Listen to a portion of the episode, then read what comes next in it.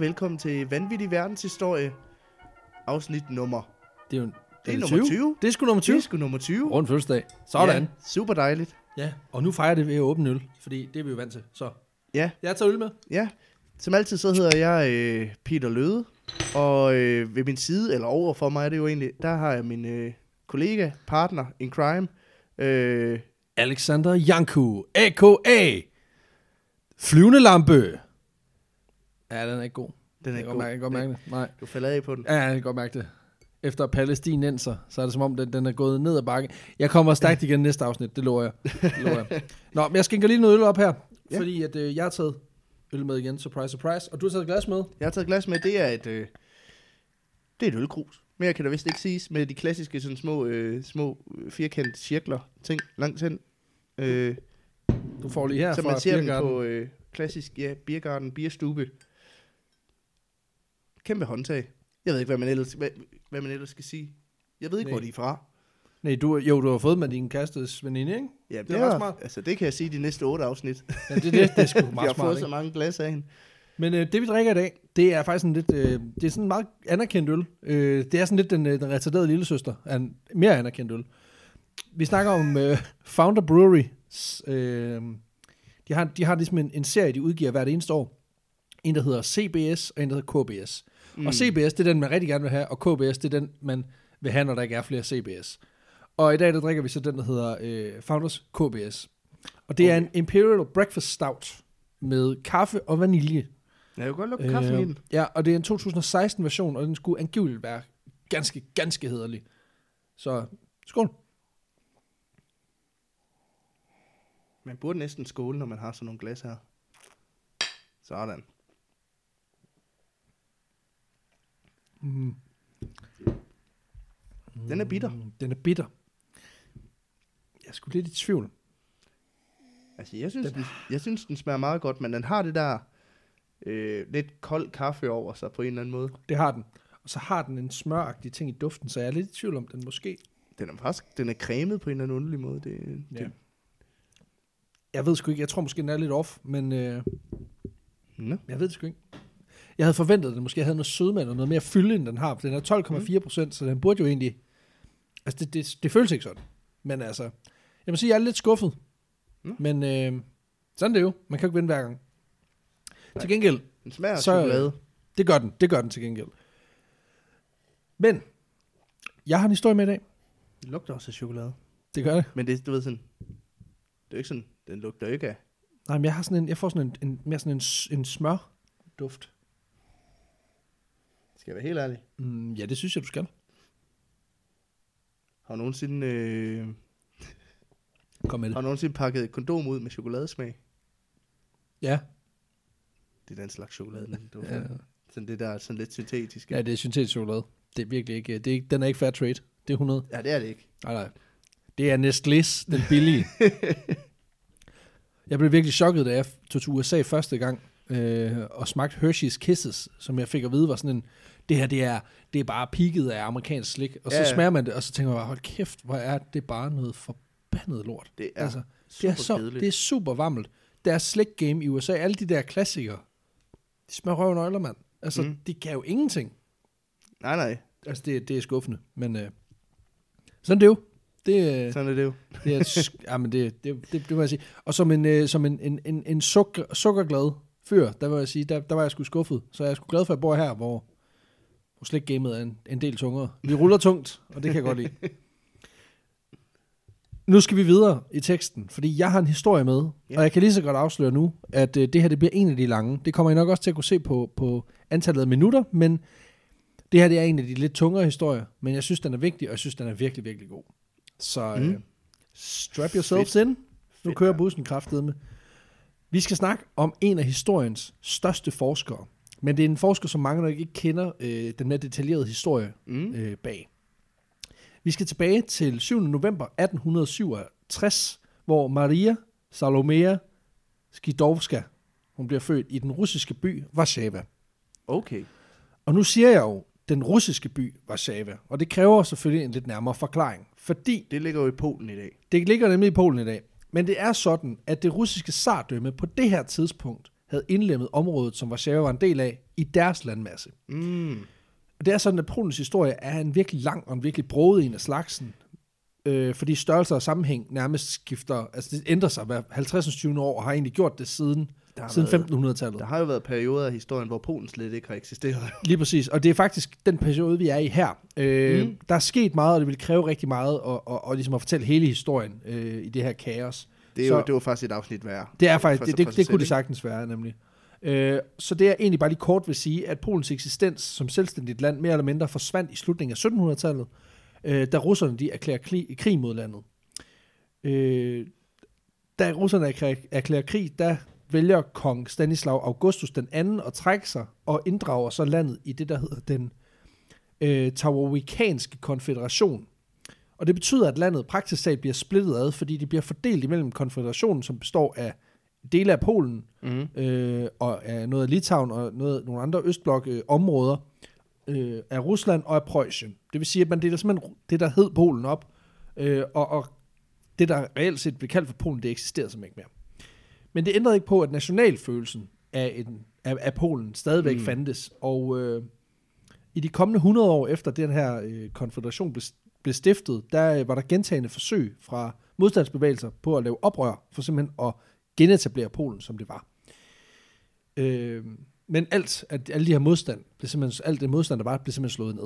Og øh, den russiske, det russiske styre, der så var i, i Polen, øh, eller i Warszawa, vores historie starter, mm. var, var de, de lå tungt på det. Øh, og de gjorde rigtig meget for ligesom at holde den polske øh, befolkning nede, i hvert fald den pro-polske befolkning nede. Og det er bare lige for at sætte lidt kontekst på, det er den her øh, virkelighed, vores, øh, vores hovedperson Maria her, hun bliver født ind i. Maria Saromia Skidovska, hun bliver født i en, øh, ind i en søskendeflok på, på fem, til forældrene, mm. øh, de er, altså, de, og det er hendes forældre, de hedder øh, Bronislava og Vladislav. Okay. De er begge to meget anerkendte undervisere på forskellige skoler, og familien er i det hele taget en meget respekteret familie, som, som stræbte rigtig meget efter viden. Dog kæmper familien så også, de, de er i høj grad ramt af, at, at de ligesom har den her, de har ligesom ligesom taget en aktiv stilling til, at de er meget sådan pro det nationale Polen. Ja, de er Altså, de- pro, pro, det Pro gamle. Polen. Pro det gamle Polen, de er, de er, de er patrioter i Ja. deres egen øjne i hvert fald. Ikke? Prolak. Ja, pro, de er prolakker. ah, ja tak. Sådan, mand. Så er vi i gang. Så er vi fandme i gang. Ja, der er wordplay og alt muligt. Det betød også, at familiens medlemmer flere gange, de havde mistet både gode jobs, de har mistet en stor del af familiens tidligere velstand, Mm. og simpelthen er de mistet som straf for, at øh, de gjorde øh, deres for ligesom at lave oprør mod Ja, og det, det, er her meget russiske styre. Jeg næsten hører, det er et meget ømtåligt emne, det her med... med øh, Det er det i høj grad. Øh, og nationalfølelsen, den bliver jo så kun, som, som, som vi jo ved også fra herhjemme af, at, at, at den bliver også bare kraftigere, når den møder modstand, ikke? mm, Det betyder så også, at den her, at vores hovedperson, altså Maria, hun vokser op i nogle ret trange kår, fordi at, at, at hendes far mister simpelthen, øh, oplever simpelthen at miste sit job, fordi han er øh, prolak. Og øh, det betyder, at familiens levevilkår bliver endnu mere forværret, og det betyder faktisk i sidste ende, at familien de må tage til takke med dårligt betalte jobs, på trods af, at de har en voldsom god uddannelse, og de må ender med at måtte supplere deres indkomst ved simpelthen at lege dele af deres hus ud hold op. til fremmede mennesker, fordi at de simpelthen ikke har råd til at putte øh, smør på brødet. Sygdommen er også hård ved familien. Øh, som syvårig, der mister Maria sin, sin øh, største, ældste søster til tyfus, og som 10-årig, der mister hun simpelthen sin mor, Bronislava, øh, til, tu- øh, til tuberkulose. Hold op. Meget udbredt sygdom dengang. Mm. Men Maria, hun var beast. Så øh, på trods af de her tragedier, der ligesom havler ned over familien, Ja. så formår hun at kanalisere den her energi, den her vrede, den her frustration, ind Mm. i, øh, i, og, i en stræben efter læring. Hun er skarp som skud, og har arvet familiens øh, nysgerrighed og naturlige flair for at tage læring til sig. Øh, eksempelvis så, hendes far underviste i fysik og kemi, øh, mm. Og det interesserede faktisk også børnene. Men fordi den russiske regering ikke ønskede, at indfødte polakker, de skulle opnå viden inden for de her felter af videnskaben, kunne godt være, at der var en grund til det, så blev det, Det, det kunne faktisk... man måske det bruge mod dem. Det kunne man nemlig. Der er jo ikke nogen grund til at uddanne hånden til at, at give lussinger til sig selv. øhm, men fordi de, ligesom, de, de, de var, de ønskede ikke at øh, indfødte polakker, der havde måske havde patriotiske følelser, de øh, lærte de her felter af videnskaben, så det blev simpelthen forbudt at undervise i det. Det resulterede så bare i, at faren han simpelthen indkøbte laboratorieudstyr og stillede det op derhjemme. Og så underviste han simpelthen, så gav han lige en gang hjemmeundervisning. uh, til, til alle børnene, så de ligesom fik en basisforståelse af det her felt med laboratorie, øh, Ja, selvfølgelig. øh, udstyr og basisviden inden for, T3, øh, inden for øh, kemi og, og, og fysik. Okay, det er, det er meget sejt. Det er da super badass, altså. Og det er sådan lidt, Det er også meget prolak. det er meget prolak, og, og så oven i det, at, at de i forvejen måske hænger lidt i en tynd tråd i forhold til den her regering. Ikke? Altså, han er i forvejen blevet fyret fra et job konkret, ja. ja. fordi han er prolak. Ikke? Altså, det, det er alligevel voldsomt, at han sådan bare tænker, ved du hvad, så, laver, så går jeg sgu rogue og laver mit eget, laver mit eget laboratorium derhjemme. Der er lidt Walter White over det, må jeg sige. Jeg skal lige at, at ud- udtrykket prolak, det lige hængt ved. Hvad, den, er, den er købt nu. Den kører vi med, fordi det fungerer sgu meget godt. Øhm, Marias interesse for læring og det faglige, det skinner også igennem, øh, da hun som 15-årig gennemfører gymnasiet og modtager en guldmedalje for, sit, øh, for sine præstationer. Så hun, hun er ret god. Altså hun er, hun er en af dem der, hvis karaktergennemsnit nok vil Ja. ligge over 12. Ikke? Altså, jeg, jeg har altid fået gode karakterer. Jeg har aldrig fået guldmedalje. Jeg synes også, det er vildt, det der med, at man får lige en guldmedalje for at gennemføre gymnasiet. Det, det, tror jeg, det tror jeg, der er flere unge mennesker i Danmark, der vil kunne tage til sig. Ikke? Ja, nu får du bare en, en hat. en, en dum hat, som du selv skal købe. Men altså sådan det.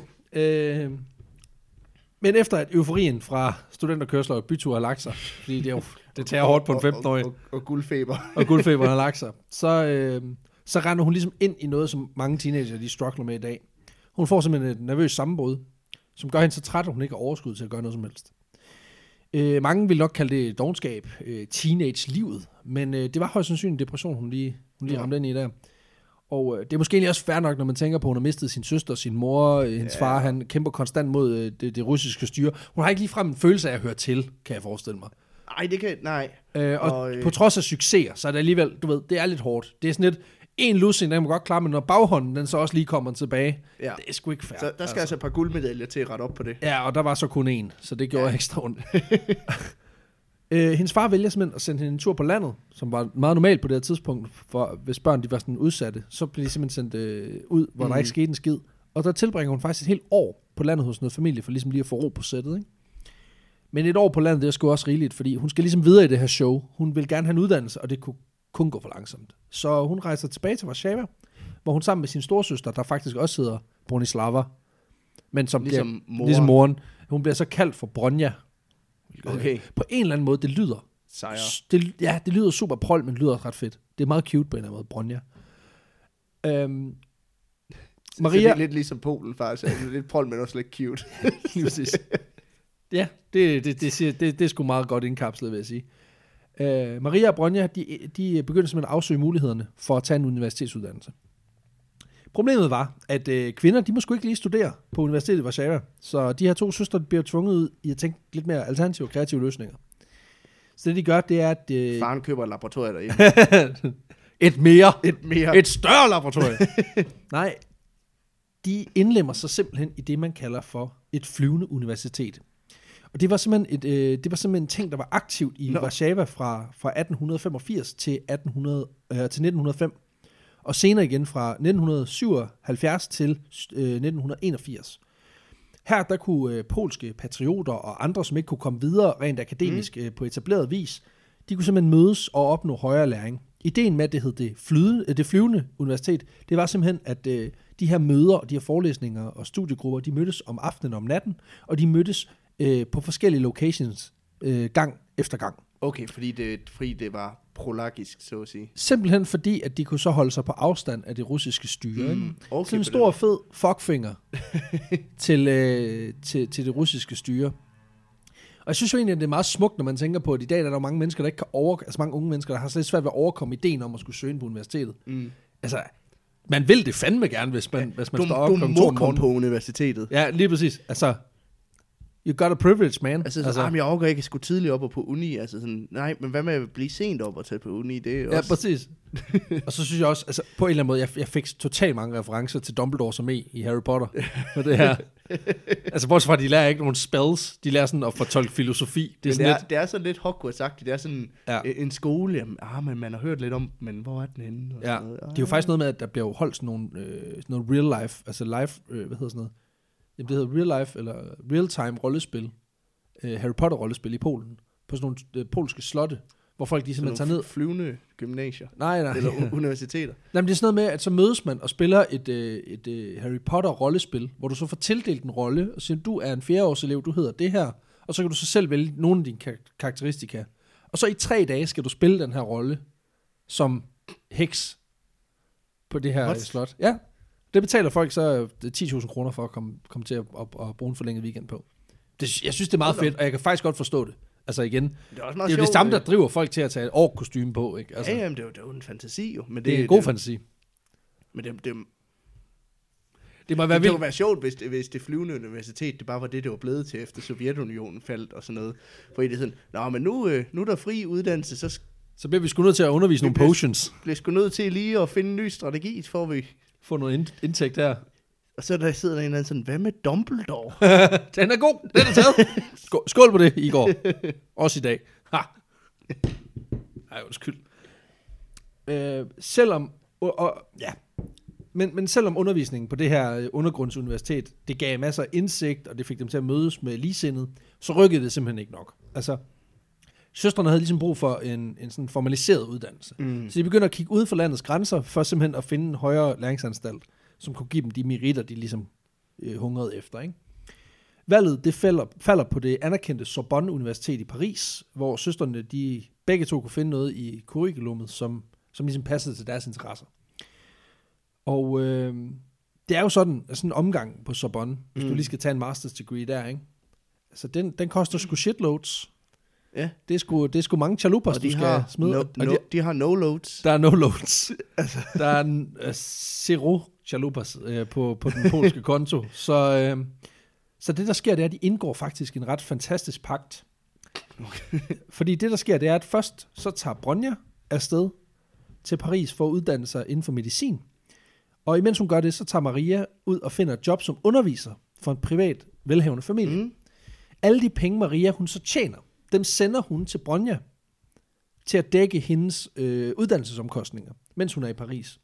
Og ideen er så, at når Bronja så kommer hjem og har en, en kandidat i medicin, så kan hun få et job, der kan give en høj løn, og den løn kan så være med til at betale. Siger, nå, Så den kan simpelthen betale for Marias uddannelse på Sorbonne. det er sgu meget godt tænkt. Det synes jeg fandme, at det er sgu meget sådan solidarisk og meget, meget smukt på en eller anden måde, ikke?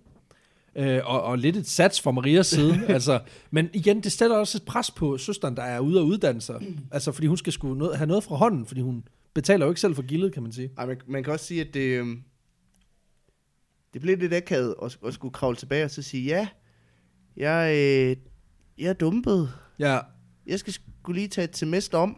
jeg kommer sgu lige til, jeg kommer til at drikke, drikke alle pengene op. Ja, så... Øh, men for, altså, jeg tænkte, jeg tænkte bare, at jeg bliver lidt stresset. Jeg skal også lige have noget tid til lige at... Ja, du ved, bare sådan lige finde mig selv og sådan noget. Så jeg lige spredt Ja. nogle fag ud over nogle semestre, så jeg tænker, det strækker lige to år mere. Vi det, tager det lige chill. Ja, ja. Sådan, ja, ja, altså sådan bare, bare blive ved med at sende penge. Keep them coming, keep Det them er jo i coming. princippet den attitude, mange har øh, bare med til SU-systemet. Ja, ja. Jamen, det er der. Den, altså, den er ikke helt forkert. Det må vi bare indrømme. Det er sådan, at øh, Bronja, hun tager simpelthen afsted, læser medicin, møder s- en, øh, en, øh, en, en fyr, hun bliver kæreste med, og. Mm. vist nok også gift. Øh, men, men de holder egentlig aftalen. I 1891, der bliver det så Marias tur til at skifte Warszawa ud med Paris. Problemet var, at, at selvom Bronja havde, var færdiggjort og havde fået job og sådan noget, så havde hun ikke stadig helt nok penge til at betale uddannelsen. Men hendes far havde haft succes til at skaffe en mere lukrativ stilling, så hun kunne alligevel komme afsted. Okay, fedt. Øhm, hun havde lige præcis penge nok til at betale for uddannelsen, det billigste værelse, hun kunne finde, og basismad i den tid, hun, hun skulle studere. Altså, hun, det var virkelig bare på, altså på, på kroner og øre, det her. Ja, ja, det var, det var. Hun kørte S- basics. Hashtag SU Life. Ha, nej, ja, ja. Gange to. Jeg synes jo, eller- jeg synes jo hvis, du, hvis du går på Instagram nu og trykker hashtag SU Live, så får du ikke billeder af folk, der er på røven. Altså, du får. Nej. billeder af folk, der har det fint. Nå. Selvom hun øh, kommer til Paris uden formel forberedende uddannelse, fordi det er jo sådan, at altså, du kan ikke bare gå fra jeg kan ikke, altså, gymnasiet og så direkte over på, på en, en kandidatuddannelse, som det var det, hun valgte. Mm. Det er alligevel lige hårdt nok. Men, men hun havde jo ikke ligget på den lade side, så mens hun underviste børn i huset, mens hun sendte mm. Penge til, til sin storsøster, så brugte hun stort set al sin fritid på at læse tunge bøger, altså læ- tage til forelæsninger Mm. på det flyvende universitet, og fik der også private timer fra universitetsuddannede folk. Wow. Ja, hun kunne simpelthen ikke lade være med at rave viden til sig. Øh, en af de undervisere, hun får øh, rendet til sig, det er en kemiker på et lokalt sukkerraffineri, som hun øh, får til at undervise sig i laboratoriearbejde. Russerne havde selvfølgelig gjort det forbudt, at polakkerne de måtte modtage undervisning i den slags, det har vi jo nævnt. Øh, men hun fik ham alligevel overtalt til lige at få lidt, øh, lidt insights i, hvordan sådan et kemilaboratorium det fungerede. Og han arbejder på et sukkerraffinaderi. Ja, altså hvordan man omdanner sukkerroer til, til det færdige produkt, ikke? Nå. Ja, der skal åbenbart en kemiker til. Men øh, jeg synes jo også, det er smukt, fordi det viser også, at hun er sådan pænt ligeglad med, at russerne mente, at der er noget, polakkerne ikke måtte. Altså, de må ikke dit, de må ikke dat. Fordi i hendes optik, der handlede det om noget større. Det handlede simpelthen om, at vi mennesker har et ansvar for at udvikle os til et fælles bedste. Mm. Egentlig også på en eller anden mærkelig måde, sådan det Rusland kommer til at repræsentere senere hen. Nemlig sådan en kommunistisk tanke om, at, at, vi, at vi, der er noget, der er større end os selv. Ikke? Ja, Og vi skal give noget til fællesskabet. og et fællesskab og fælles viden og, og bidrag til samfundet. Ikke? Ja. Øh, behov for også at, øh, at skabe noget, eller, eller hvad kan man sige, i hvert fald at, at bidrage med et eller andet øh, Det er også det, del. Ikke? jeg, jeg kommer lige med et citat her, fordi det er det er så på engelsk, ikke? Uh, you cannot hope to build a better world without improving the individuals. To that end, each of us must work for his own improvement and at the same time share a general responsibility for all humanity, our particular duty being to aid those to whom we think that we can be most useful. Altså ideen om, at Mm. vi, hvis vi skal f- flytte os, så bliver vi også nødt til at forbedre det enkelte menneske, men samtidig skal vi også tænke på vores egen forbedring, og har en generelt sådan, i, i, hvad kan man sige, øh, et ansvar for at, at hjælpe øh, dem, som, som vi kan se, at vi kan være til hjælp overfor. Ja, selvfølgelig. Så det er sådan egentlig en meget smuk tanke. Så der er er både noget personlig udvikling og noget medmenneskelighed. Og, Lige præcis. Og, Og, det er jo, noget og, og, og det, er egentlig, det ligger egentlig meget godt basis for, hvordan hun senere bliver i sin karriere. Uh, hun udviser naturlig flair for matematik, fysik og kemi, hvilket også ender med at være den vej, hun vælger, uh, når hun endelig får sat sine fødder på Sorbonnes mm. bonede marmorgulve. Og uh, det var ikke nemt at forlade sit fødeland og sin far og sådan noget, men, men hun, det var jo ligesom den naturlige progression. Ikke? Det, var den det er ligesom det, hun skulle. er nødt til, hvis det er det, hun vil. Ikke? Lige præcis. Øhm, Og øh, hendes start på Sorbonne blev meget hårdere end hendes medstuderende. Det anerkender hun selv i sin, øh, i sin, øh, hvad hedder det, i sin dagbog, at, at hun havde jo ikke den her foregående uddannelse. Og det gjorde, at det at tage en kandidatgrad direkte fra gymnasiet med en lille smule viden, ikke? altså hun mm. Trods alt færdiguddannet som 15 år, ikke? altså det var svært, men hun lagde sig i scenen for ligesom at, at, at gå der efter den her kandidatgrad i øh, matematik og fysik. Hverdagen var hård, men, øh, og livet på det her lille, lille værelse var også rimelig spartansk indrettet. Ikke? Ifølge hendes selvbiografi, der var vintrene nogle gange så hårde, at de vaskefade, hun havde stående med vand i, de simpelthen Mm. frøs til. hold da kæft. Ja, og den eneste måde, hun kunne holde sig varm om natten på, det var, at hun tog alt sit tøj, og så smed hun det over sig, inden hun faldt i søvn. For simpelthen at have flere lag, ikke? Så, så hun, kører, hun kører den stramme stil her. Altså, det, det er meget spart. Det hashtag SU life. hashtag, hashtag the real SU life, ikke? Ja, hvis nat på, på den fryser, så er det, Så, så er du altså, så er du på, så kører du den stram. sige. så, øh, så kan du også godt spare lidt op. Ja, det, det er måske, altså hun, hun, hun kører den presset, vil jeg sige. øhm, men hun levede og gik fuldstændig ind i studierne, øh, fordi hun havde lige pludselig ikke nogen, hvad kan man sige, udefrakommende faktorer. Nej, Fordi hun boede jo lige pludselig alene for første gang i hendes liv. Øh, og nogle gange så glemte hun simpelthen at spise, fordi hun bare var helt forgabt i studierne. Og det ved jeg ikke, altså det kender jeg jo også godt selv, altså da jeg skrev andet semesterprojekt på journalisterskolen, der var det jo også sådan noget med at altså, sidde og skrive til klokken 4 om morgenen, og så på vej hjem lige tænke, fuck, jeg skal også have noget at spise. Ja, altså, ja. Så man kan jo godt, jeg kan jo godt relatere, men det er alligevel, altså, det lyder til, at det var sådan en regulær ting for hende, at, at hov, jeg kom sgu ikke lige til at spise i et døgn. Da jeg, da jeg skrev speciale, var det jo også sådan, at øh, de, de, de sidste to- to-tre dage, inden vi afleverede, der, der sad vi og skrev i, i døgndrift og fik fire timer søvn, og så Op igen og videre. op igen. Og der, der var det jo på et tidspunkt, hvor, hvor, hvor mig og så ham, jeg skrev speciale med, vi sådan kigger på hinanden, og så, og så får vi egentlig snakket om sådan, at øh, jeg, var, jeg var egentlig lidt sulten. Sådan, sådan, ja, men det kunne også godt være, at vi skulle gå i kantinen, hvor jeg på, så på vej i kantinen går det op for mig, at jeg har heller ikke spist i 36 timer, så øh, Det jo også ved at være op over. ja. Ja. Og så købte jeg, kan jeg huske, at købe en myslibar og en flaske vand, fordi det var lige det, jeg kunne overskue. Ja, ja. Jamen, altså igen, så lukker kroppen også lige så stille ned. Ikke? Ja, Man ja. skal fandme være lidt påpasselig med det der. Ja, ja. Men øh, til gengæld har en myslibar aldrig smagt så godt. Nej, for der var virkelig noget power i, den var, man ikke sat, den var fandme god. Ja. Så det er Og jo med et... øh, nød og ja, ja. Ja, men altså, der var luksus på der. Jamen, nu Hashtag er- SU Life. ja, Nu har du så ikke spist i halvanden døgn, så det Nej, var, så har sparet lidt. der var råd til den jo. Øh, Efter øh, tre års intenst arbejde, der får hun den her kandidatuddannelse og lidt mere øh, til, mm. fordi hendes arbejde med fysik blev faktisk hædret med en pris, og det sikrede hende et legat. Øh, og samtidig med det, så gik Society of the Encouragement of National, National Industry, de gik simpelthen ind og lagde trumf på ved at betale for, at hun kunne lave noget eksperiment, nogle eksperimenter med, øh, på forskellige ståltypers øh, magnetiske evner. Så hun fik faktisk lige, hun blev lige headhunted til et job der. Fedt. Ja, og det er jo igen, det siger også meget om, at, at det der med det naturvidenskabelige felt har bare sådan lidt mere naturlig mm. flair for os at blive, al- altså det er mere naturligt, at man bliver, altså i det naturvidenskabelige er det bare mere naturligt, at du, at du bliver headhunted. Mm. Altså, det sker sgu ikke rigtigt på humaniora, at der er nogen, der kigger på en, der har læst øh, anvendt filosofi i fire år og tænkt, Du, skulle du ind og tænke hos os? Du. Egentlig. du er en rigtig tænker. Ja, altså frem for, du ved, ham derovre, han har isoleret en celle, der kan, der kan bekæmpe kraft mm. i, bys, i busspytkirtlen. Ja, Altså, han er nem at vælge, ikke? man kan tænke. På busspytkirtel Ja, kraft, ja. måske.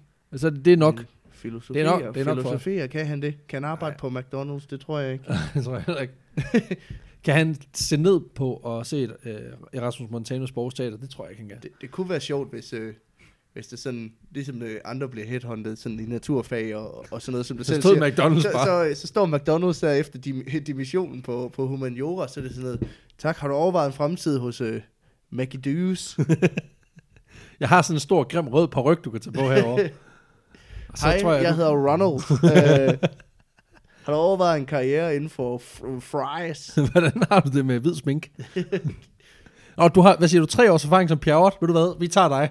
Du bliver headhunted. Ja. Du kan få ingenting for at lave rigtig meget. Nå, du har, du har, hvor mange år har du brugt på humaniora? 8? Ja, men ja, man skal selvfølgelig også tage den tid, det nu tager. ja, ja, ja, men så føler du dig vel lidt som en klovn i forvejen, gør du ikke det? det er ret sjovt. også lige sige, at jeg er jo, til, jeg er jo selv til dels humaniora uddannet. Men også kun til dels. Ja, Det er samfundsvidenskab også, så den er okay. Det var- I det mindste har jeg ikke giftet mig med en, der var pure. Jeg har kun giftet mig med en, der var pure hum- humaniora, som også lytter til den her podcast. Så, så, så ja, så det går godt i Det går skide godt. Jeg sætter ikke de bedste parametre op for, for succes i hvert fald. Nå. Men for at kunne klare den her type forskning, som hun øh, skal lave med de her ståltypers magnetiske øh, evner, så skal hun simpelthen bruge et laboratorium. Mm.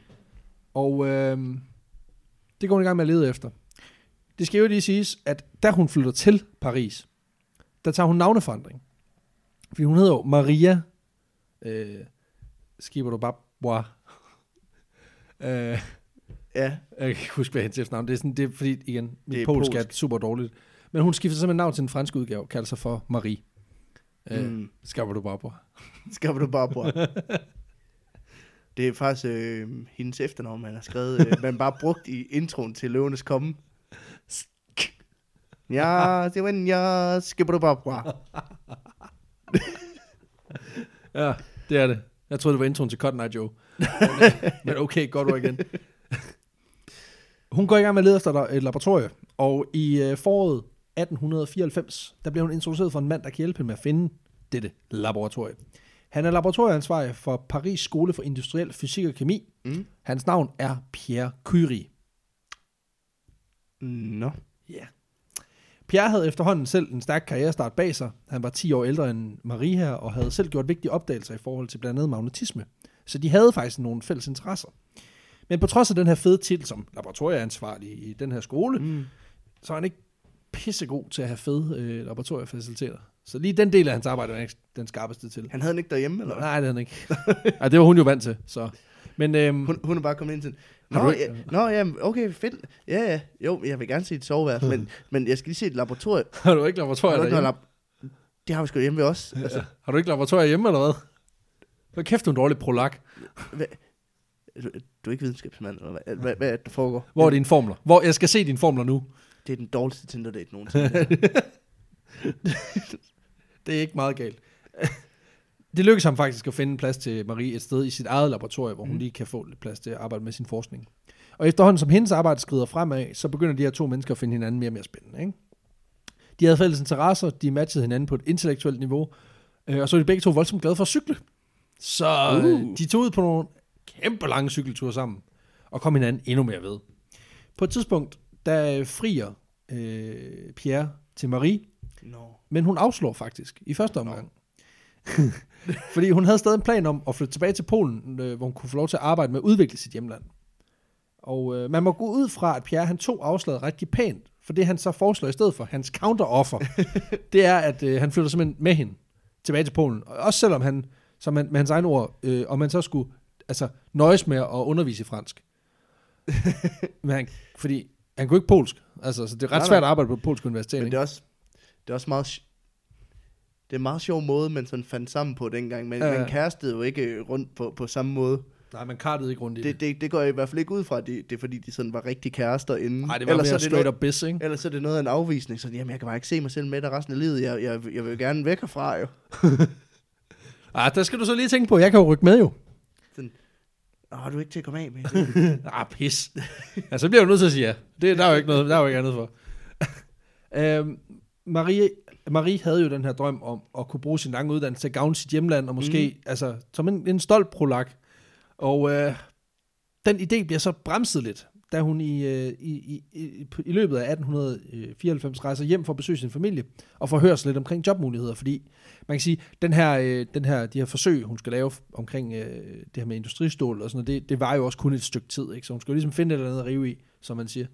Og øh, på trods af, at hun havde alle meritterne til at kunne undervise i for eksempel fysik eller matematik, så blev hun faktisk nægtet et job på øh, Krakow Universitet, Nå, øh, fordi hun er en kvinde.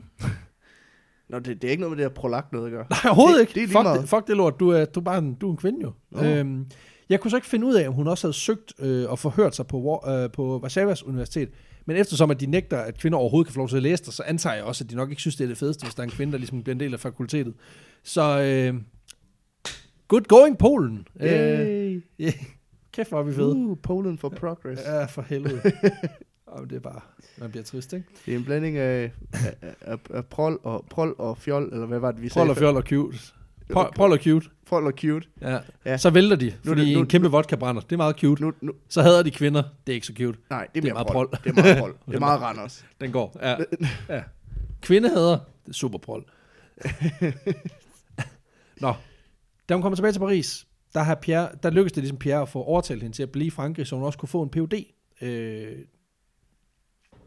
og øh, Marie, han får, hun får så omvendt overtalt Pierre til rent faktisk at få færdiggjort sin uddannelse. For det er sådan, at han hænger lidt i bremsen. Øh, og han havde sådan, sådan en halv doktorgrad, der ikke rigtig var færdig.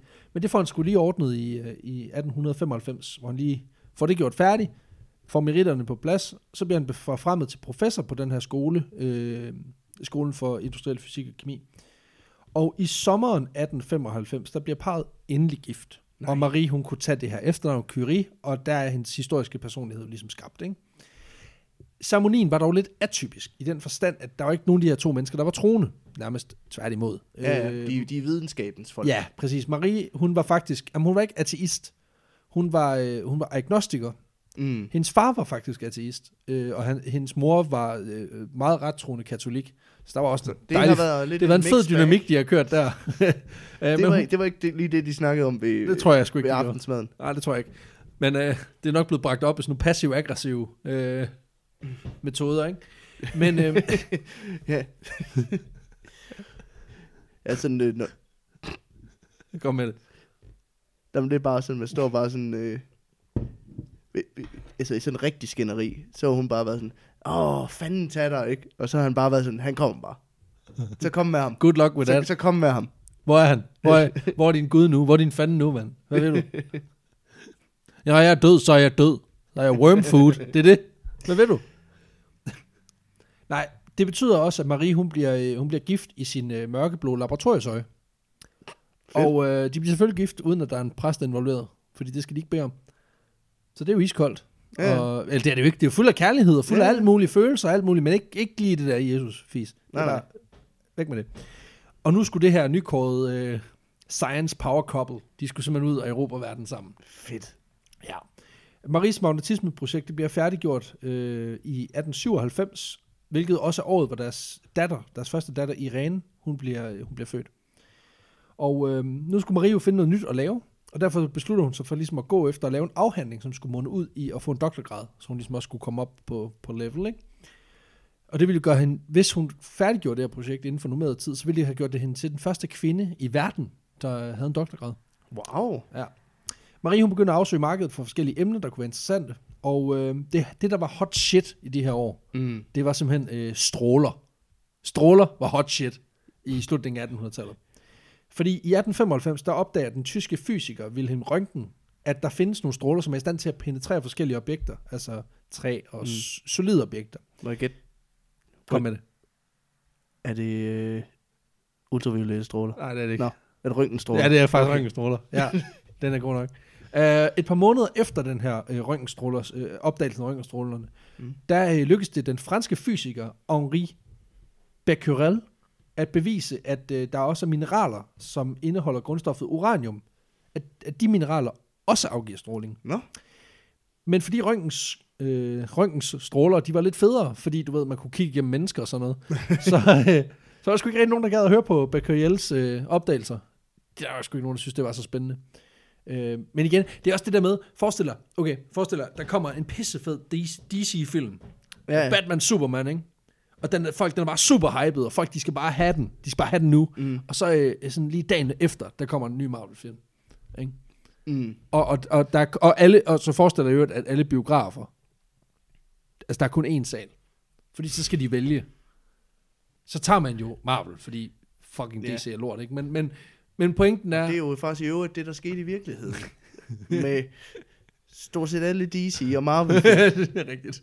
Det er meget, lidt, det er meget tæt på hinanden. at man så udgiver de Justice League, så man sådan, den glæder mig faktisk til at se. Så kommer man ind, så, Hov, var det Homecoming, der var der? Så er man bare væk. ja, så er man sådan, det skal jeg ikke se igen, det der. Nej, det er rigtigt. Og så, så er man sådan, Spider-Man, Jamen, det, og det bliver bare ved med at han være var ikke fedt. med i Justice League i hvert fald, så det, det, Det- det er det- godt nok til mig. Den bliver jeg hængende på. uh, det betyder, at det, altså, selvom der var ikke ret mange, der kunne se fidusen i Becquerels uh, stråler her, så fangede det Marie Curies interesse. Uh, og fordi det kun, stort set kun var Becquerels eget arbejde, der var lavet omkring det her fænomen, så bliver hun lynhurtigt interesseret i at afsøge alt materiale, og kan egentlig meget hurtigt selv gå i gang. Mm. Øh, og så var endnu en gang et lille logistikproblem, fordi øh, fru Curie her, hun manglede simpelthen endnu en gang et laboratorium. Og øh, det der heldig- det derhjemme. Ja, det er rigtigt. Men der er råd for det, fordi Pierre, igen, to the fucking rescue, han har det perfekte sted, sådan cirka. Øh, der var en gammel hal ved siden af skolen, som hun fik lov til at undervise øh, eller bruge. Øh, taget var godt nok utæt, og det havde mere karakteriseret en form for skur end en egentlig hal. Men hvor med alting er, det var nok for Marie. Hun var ligeglad. Hun gik bare i gang. Hun skulle alligevel, du ved, hamre i noget, nogle mineraler og noget sten og sådan noget. Det, ja, Ja, ja. ja. det råder alligevel. Fuck Ja, det lort. det sviner helvede til. det sviner helvede til. Det gør jo lige meget. Øhm, Og der står med beriget uran, så... ja, det er øh, det. Ej, det er ikke beriget. Det er Nå, nej, uberiget, det- så det, det er fint. Nej, det er selvfølgelig bare uran. Lige Ej, så er det faktisk cool. Det Hvad- sviner ikke så meget. Og jeg tænker, at vi lige tager sådan en hurtig fysikteam her, inden vi, inden vi går videre, fordi uranium er grundstof nummer 92 i det periodiske system. Ja. Det er et metal, og det er kendt for at blive anvendt primært, øh, det bliver primært anvendt i dag, fordi det er radioaktivt. Før man opdagede, øh, at den havde den her radioaktive evne, blev det faktisk primært brugt i produktion af glas og porcelæn, fordi at det gav sådan en sjov farve. Ikke sådan en selvlysende farve, men det, Nej. gav bare, det, det kunne bruges til at, til at farve glas. Øhm, og da man fandt ud af, at øh, stoffet var radioaktivt, er det primært blevet brugt i forhold til atomkraft i civile øjne, og til atombomber i militære øjne. Øh, og begge dele Yay. foregår... Ja, begge dele foregår via det, der hedder fission, hvor man simpelthen mm. påvirker et atom til at splittes, og den proces, hvor det splitter sig i små nukleider, tror jeg det hedder, der, øh, der udleder det store mængder energi. Og der kan man så vælge enten at bruge den energi til at varme noget vand op, som kan drive en turbine, øh, lave noget damp, som kan drive mm. en turbine, og så skabe noget grøn og bæredygtig strøm. Eller man kan selvfølgelig bruge det til at lave sådan nogle store eksplosioner, som bare kan slå en masse Ja. mennesker ihjel. Du kan, ja, du kan bruge det til øh, grøn energi, gøre alternativet glad, Uffe Elbæk jubler, eller du kan bombe halvdelen af Japan. Ja, det, øh, præcis. Op, altså, til, op til dig. og det er pretty much one of these, og det er bare hyggeligt, ikke? Og så græder Uffe Kæft, Elbæk. hvor er vi mennesker bare fede, altså. Det er også bare det der med, altså jo, der bliver lavet atomkraftværker, ikke også? Men altså, der er jo flere atomsprænghoveder, end der er atomkraftværker. Ja, ja. Og jeg ved godt, det er ikke en til en det samme, men det er mere bare, det er bare vi har bare ikke valgt at prioritere det fede af det. Vel? Marie Curie, hun går i gang med at undersøge de her uraniumstråler i det her skur ved siden af hendes mands arbejde. Og øh, en af de ting, der hun finder ud af, det er, at de her stråler, de opfører sig en del anderledes og, og, og mere underligt end andre typer stråling. I den forstand, at mængden af stråling ikke afhænger af den beskaffenhed, det materiale, stråling kommer fra. Øhm, den måde, at, at normalt så ville en stråling blive påvirket af, om materialet var fast eller i flydende form, mm. om det var vådt eller tørt. Men, men det hun finder ud af, det er, at mængden af stråler passer med mængden af uraniumatomer, der er til stede i det materiale, hun, hun laver en måling på. Og det er noget med, at hun har lavet et eller andet elektrometer, som kan måle øh, strøm. Ja. Øh, og, og, og det er noget med, at det her uranium, det skaber som en spænding rundt omkring i luften omkring materialet. Og det er jo den spænding, hun så kunne måle indholdet af uranium i. Og sådan noget. Det, Ja. det er meget teknisk. Vi er en historiepodcast, vi er ikke en øh, fysikpodcast. Nej, det er super Så. teknisk, og igen, hvis der er nogen, der gerne vil, øh, vil belære mig, så må jeg rigtig gerne gøre det i DM'eren, så kan vi tage den derfra. Men jeg, jeg kan sgu ikke rigtig øh, knække koden her på det. Men, men ideen er i hvert fald, at hun finder ud af, at det her med mængden af stråler korrelerer perfekt med mængden af atomer mm. med uranium. Og på det her tidspunkt, der var det en udbredt viden blandt folk, videnskabsfolk og lærte akademikere, at atomers reaktionsmønstre, det afhang af, hvilken, hvilke atomer, der hang sammen. Altså det var, det var atomers binding til hinanden, hvad enten det var to forskellige atomer eller to af det samme. Det var den forbindelse, der skabte et reaktionsmønster. Altså øh, at mm. atomer, der bliver varmere, øh, skaber varme, det er fordi, der er to atomer, der går sammen, eller to atomer bliver Ja. skilt ad. Men, men med uraniumatomerne, der lød det til, at strålingen den kom fra atomerne selv, og ikke fra en forbindelse. Og det var egentlig rimelig sådan nyt. Og derudover så opdagede hun, at det jo kun galt for uranium, men også andre grundstoffer, blandt andet thorium. Øh, for at beskrive det her fænomen, der opfinder øh, Marie øh, begrebet radioaktivitet, simpelthen. Okay. Ja. Og i sin forskning af det her fænomen, så laver hun et systematisk studie, hvor hun bruger to forskellige mineraler, til, som indeholder uranium. Det ene, det hedder tobernit, og det andet er et mineral, der hedder pitch blend, øh, som senere har ændret navn til uranit. Okay. Og det interessante, det var, at hun opdagede også, at i det her, i det her uranit, at der var, der var fire gange så meget radioaktivitet i det her stof, som der var som der ville have været, hvis det kun var uranatomerne, der var derinde. Okay. Så det hun finder ud af, det er, at der må ligesom være noget, noget andet radioaktivt materiale, man ikke kender til i det her Mm. øh, uranit. Fordi ellers ville det jo ikke kunne hænge sammen. Og øh, hendes konklusion der er simpelthen, at der må findes et andet radioaktivt stof i de her mineraler, som ikke var dokumenteret. I midten af 1898, der bliver hendes mand Pierre, han bliver, også, han bliver simpelthen så interesseret i hendes arbejde, fordi det bare bliver ved med at komme nye forståelser og nye ting, at han simpelthen dropper det arbejde, han selv har lavet. Han har arbejdet rigtig meget med krystaller. Og det dropper han simpelthen. Øh, for simpelthen at gå sammen med Marie og lave hendes projekter med Fuck radioaktive stoffer. krystaller. Fuck krystaller. Vi skal lave bomber. Vi skal til at bombe. det er en meget mandeagtig ting at gøre. øhm, I juli 1898, der udgiver Marie Curie og hendes mand Pierre en videnskabelig artikel, hvor de offentliggør deres opdagelse af et nyt grundstof, som de har valgt at kalde polonium. Og det har de Mm. valgt at gøre, fordi at de gerne vil ære Maries fødeland, Polen. Og det er meget sødt. Fordi endnu en gang, motherfucking fuckfinger til Rusland, ikke? Prolonium. Polonium. det har været fedt. I december samme år, der udgiver de endnu en artikel, hvor de offentliggør opdagelsen af endnu et nyt grundstof, som de kalder for radium. Opkaldt efter det latinske ord strå- for stråle. Radio. Radio. Lige præcis. Alt deres arbejde er meget teoretisk i den forstand, at man godt kan gentage de her eksperimenter mm. Og få samme resultater, men det der med at bevise eksistensen ved at, at, ligesom at vise en konkret klump af det her, Ja. det er meget, meget svært. Fordi at, ja, det- er meget svært at udvinde det her. Så Marie, hun har et stort ønske om at isolere de her to grundstoffer i deres rene form, så de kunne fremvises. Øh, og det skulle vise sig at være en større opgave, man lige har regnet med. De brugte 14 år på sideløbende med deres andre projekter at isolere de her to grundstoffer. Og det lykkedes faktisk kun til dels. Øh, med radium, der lykkedes det først i 1910, altså efter 14 år. Mm. Og det er simpelthen fordi, at radium minder utrolig meget om et andet grundstof, der hedder barium. Og det forekommer også naturligt i det her øh, uranit, som man brugte til at Ja, udvinde. ja. Og, og, og, og derfor er det jo skidesvært at lave noget, hvor du kan bevise, at det ikke er barium, men at det er... Nå, en, at, en, et lige præcis, at selvstændigt det er radium, grundstof. Lige ja. præcis. Og det tog en helvedes tid at, at, at, at, at knække den kode. Med polonium var det en smule nemmere, fordi at polonium i sin form, altså fysiske form, minder mere om metallet bismut. Øhm, og det var det eneste metal, der lignede bismut, som var i de her, op, i de her mineraler. Problemet med polonium, det er, at det har en halveringstid på 138 dage, hvorefter det så, altså det er jo sådan, at, at radioaktive stoffer har en halveringstid, Mm. hvor de så forandrer sig og bliver til noget andet. Og øh, det gjorde simpelthen, at man kunne ikke lave en hun kunne ikke frembringe en stabil prøve, som vi kunne holde længe nok til, at den kunne blive peer-reviewed alle steder og ligesom blive godkendt. Nej, selvfølgelig. Så derfor er det faktisk aldrig lykkedes hende i hendes tid at lave en, en, en, en fast klump polonium og sige, det er den her. Øhm, imellem 18... Det synes jeg også er så vildt, det der, Ja, faktisk. ja det, er- det er jo helt det der med, at man kan producere grundstoffer. Ja, og sige, sådan- det her, det er rent det her. Ja, Ja, det er tosset. det, øh, Det synes jeg det kan jeg faktisk næsten ikke forholde mig til. Altså, Men det er jo nemt med jern eller, eller guld eller sådan noget, men, men det er mere det der med at tage ting ud af luften, Og, for og, og, eksempel. og, hvor meget skal du have? ja, men altså, præcis. Altså, hvor meget, hvor det sådan, sådan jo jo, du har polonium, men det, det er slet ikke nok, jo. Det er jo, Du, altså, det er slet ikke nok til, at det beviser noget som helst. Nej, og det, det kommer vi faktisk også ind til, fordi det der er med for eksempel radium her, radium er et sindssygt radioaktivt stof, altså det er virkelig, virkelig. Ja. radioaktivt. Øh, så der skal ikke bruges ret meget til at lave mange eksperimenter, men det kommer vi ind på senere, øh, faktisk. Øhm, mellem 1898 og 1902, der udgiver parret 32 videnskabelige artikler om deres arbejde med radioaktivitet. Og deres arbejde viser blandt andet, at radium er i stand til at ødelægge en tumorcelle hurtigere, end den ødelægger raske og normale celler, hvilket betyder, at det her det kunne bane vejen for netop at behandle for eksempel øh, kræfttumor og lignende. Fordi den ødelægger simpelthen de inficerede celler hurtigere end almindelige raske celler. Nå, Så, det, så du kan simpelthen eksponere en tumor for det, og så dør den hurtigere end det raske væv. Og så kan man sige, så dør der også noget rask væv, men det er Ja, ja. meget begrænset, ikke? nå, det, meget er vi, det er vi ikke gået videre med, eller hvad? Jo, det er vi.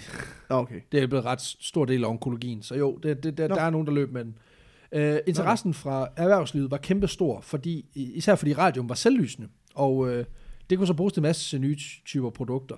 Uh, den interesse mærker parret dog ikke rigtigt, fordi, i hvert fald ikke økonomisk, fordi de patenterer ikke deres opdagelser. Og, Og det betyder simpelthen, at øh, rigtig meget af det arbejde, de laver, der får de ikke en skid. Men, men man kan vende om at sige, det handler jo også om, at Marie havde jo også den her meget sådan, den her tilgang med, at man skulle gøre noget for fællesskabets bedste. Så hun var måske heller ikke så bitter over, at hun ikke nej, men det kunne være fint nok. igen. Det havde jo været fint nok, ikke? Og især fordi, at man, når man tænker på, hvor meget tid hun senere i livet kommer til at bruge på jagten på penge, men det kommer vi også til. I år 1900, der bliver øh, Marie den første kvindelige på fakultetet på, i, i fakultetet på École Normale Supérieure, hvor hendes mand engang havde undervist. Øh, det er simpelthen på en skole, hvor hun bliver en del af, af Mm. undervisningsfakultetet. I 1903, der får hun sin doktorgrad fra Sorbonne, øh, og hun er jo ikke den første i verden, kan jeg forstå, men, men hun er en af de første. Og sammen med sin øh, mand Pierre bliver hun inviteret til Royal Institute i London, hvor hun skal give en præsentation omkring det her med radioaktivitet. Øh, men selvfølgelig blev hun ikke inviteret for at sige noget, fordi hun var jo en kvinde. Ja, selvfølgelig. Ja, så hun skal holde så- sin kæft. Ja, hun skal holde sin fucking kæft, fordi at, øh, hun var bare en dum kvinde. Så det var Pierre, der simpelthen lige måtte tage den alene. Selvom at det jo i bund og grund var fucking hendes research, han skulle stå og, og redegøre for. Så det har været noget med, at han har stået i noget retning og, stået og forklaret ting, og så har han peget over på hende og sagt, ja, det var hende, der gjorde det jo. Øh, Han er jo lyst til verdens største tøffelhelt. Jamen, min kone siger jo, at, øh, at det er sådan, det hænger sammen. Ja, det har set så fucking dumt ud. Altså, og det er, bare, det er bare temaet i den her historie. Altså, det er så idiotisk. Øhm, ja, Jamen, hun siger, det hænger sådan sammen. Det, altså, så det må jeg jo, det må, det må jeg jo tro på.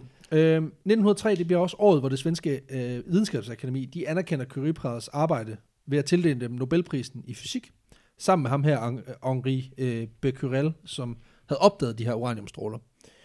Og faktisk var det meningen, at det kun var Pierre og Henri, der skulle modtage den her pris. Mm-hmm. igen. Fordi hun er jo en kvinde, så det fatter hun jo ikke en skid af. Det er jo Nej. alt for kompliceret.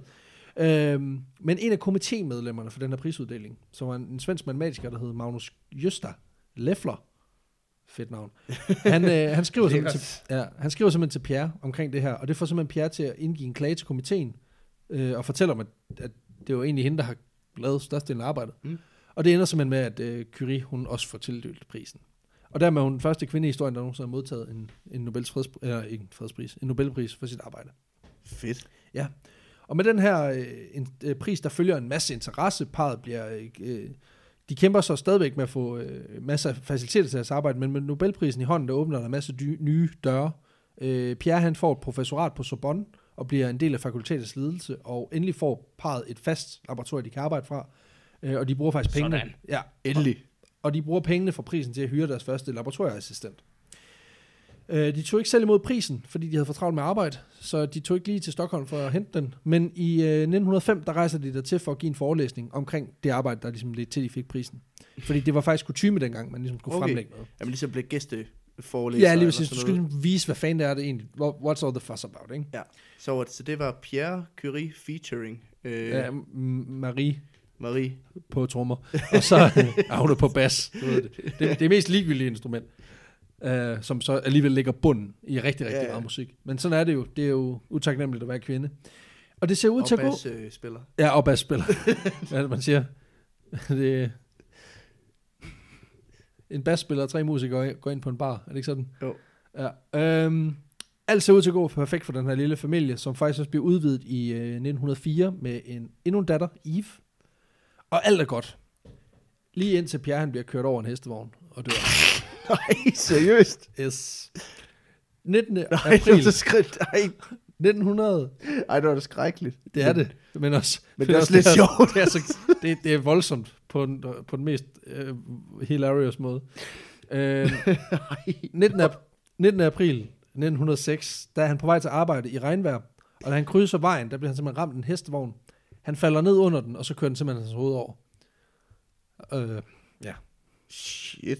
jeg har det virkelig, virkelig skamfuldt over, at jeg griner, men det er fordi, det er så, det, Det- det, er så, det- det, det- det, det- virker det er så- mere som gø og gokke Ja, bit, det er- end det det er- virker som ja, det er så vildt. Øh, Også, der er bare noget sjovt at blive kørt ned af en hestevogn, fordi, ja. Ja. altså... Det tror jeg ikke, det er. Du bliver losset i face jeg af tror en heller hest, og så bliver du kørt det, over er, af det, det, det er sikkert en skrækkelig oplevelse, og det er da også frygteligt, men, men der er bare et eller andet over at blive kørt over, altså nogle gamle, altså sådan, det er Ja, ja. kørt ned af en væltepeter, eller Ja, ja, jeg tror, der var tæerne ind på stylter, ikke? Altså, det er sådan, Ja, det gør, det gør pisse en alder, men det er også virkelig men sjovt. det, det er også bare sådan, Ja.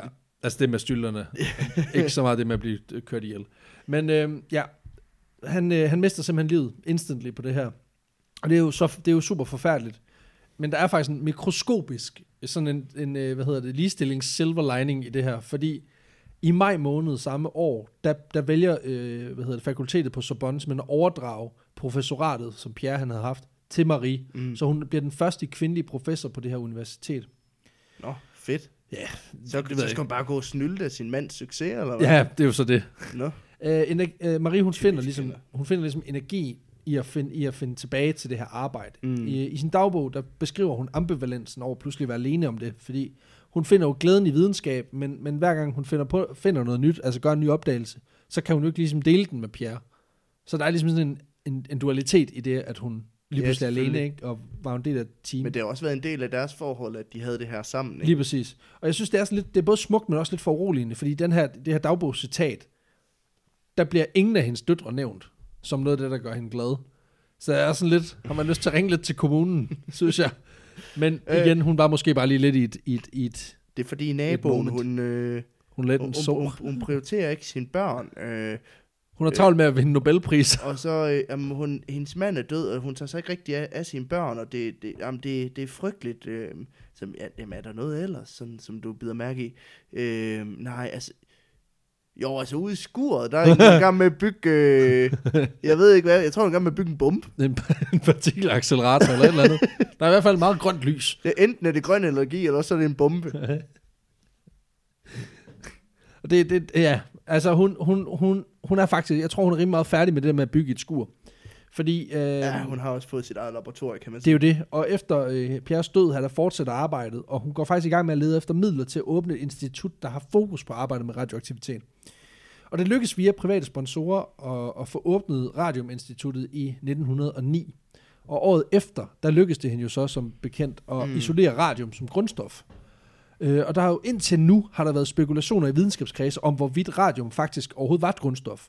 Fordi der var mange, der mente, at det, var en forbi- at det egentlig bare var en, Mm. en kopi, i den forstand, at det mindede meget om en forbindelse mellem helium og bly, som lignede det rigtig meget. Men nu kunne hun definitivt bevise, at radium var et selvstændigt materiale. Ja, fordi hun ligesom kan tage det og sige, kig på det. Ja, lige Det- præcis. Hun det kunne vise det her. frem, ikke? Fysisk. Ja, ja. Og det er sådan, at radium er, som jeg fortalte før, det er altså, altså, kvante, altså voldsomt meget mere radioaktivt end samme, end samme mængde uranium. Øh, det er meget, meget potent. Og det er også det, der gør, at altså, det er noget med, at hendes personlige mængde af radium, det er et gram, hun har fået isoleret. Og det er nok til at holde hendes, altså hele hendes forskningsprojekt kørende i mange år. Så det, det er voldsomt. Altså, det er ikke noget, man skal holde øh, i nallerne ret længe. Øhm, i 1910 der får Marie lov til at definere den internationale måleenhed for aktiviteten i radioaktive kilder. Hun vælger ikke selv navnet, men bliver senere, der bliver, det simpelthen, der bliver enheden opkaldt efter parret, og det bliver simpelthen defineret som en Curie. Altså ligesom at en Pascal mm. er en, en måleenhed, så er en Curie også blevet en enhed. Ja, det og selvom, jeg godt huske fra fysiktimerne. ja, og selvom hun har enormt meget medvind i de akademiske kredse, så bliver hun også udsat for en del hets, blandt andet i medierne. I starten af 1900-tallet, der er der en stor del af den franske befolkning, som er ret træt af de her fremmede, der kommer ind i deres land. Skide prolakker. Ja, prolakkerne. Øh, der er lidt Marine Le Pen over lortet, ikke? Øh, jeg ser nogle paralleller til i dag. Det er sådan, at øh, Marie Curie var jo det netop... mindste var det ikke, fordi hun var kvinde. Nej, nej, finally. Der er det bare Good old xenophilia. Uh, xenofobia, ikke xenophilia, xenofobia. vi elsker ikke de fremmede, vi fucking hader de fremmede. Uh, Marie Curie er på trods af sit efternavn, sit ophav, sit, alle hendes intentioner om at gøre noget godt for Frankrig, og hendes aktive fravalg af Polen på det her tidspunkt, der bliver hun set på som udlænding, og det gør, at hun bliver genstand for en ret stor øh, kritik.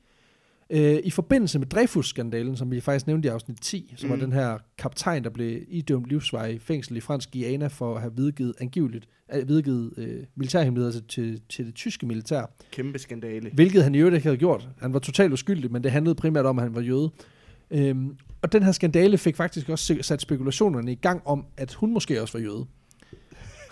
Jeg elsker Også selvom hun var altså, anerkendt af agnostik og ikke havde haft en præst til stede ved sit bryllup. Altså, hvad, Jeg kan også godt lide, det sådan det rygte, man går og spreder om folk. Det, det, det, altså sådan, hun er fremmed, så er hun sikkert også jøde. Altså, jeg har hørt, at hun, hun er jøde, hvor det er sådan, nå, Nå, okay. øh, Nå, men jeg, jeg har hørt, at fru Olsen, hun er katolik. Hvad, altså, what's your point? Altså, Du ved jo godt, hvad man siger om jøder, ikke?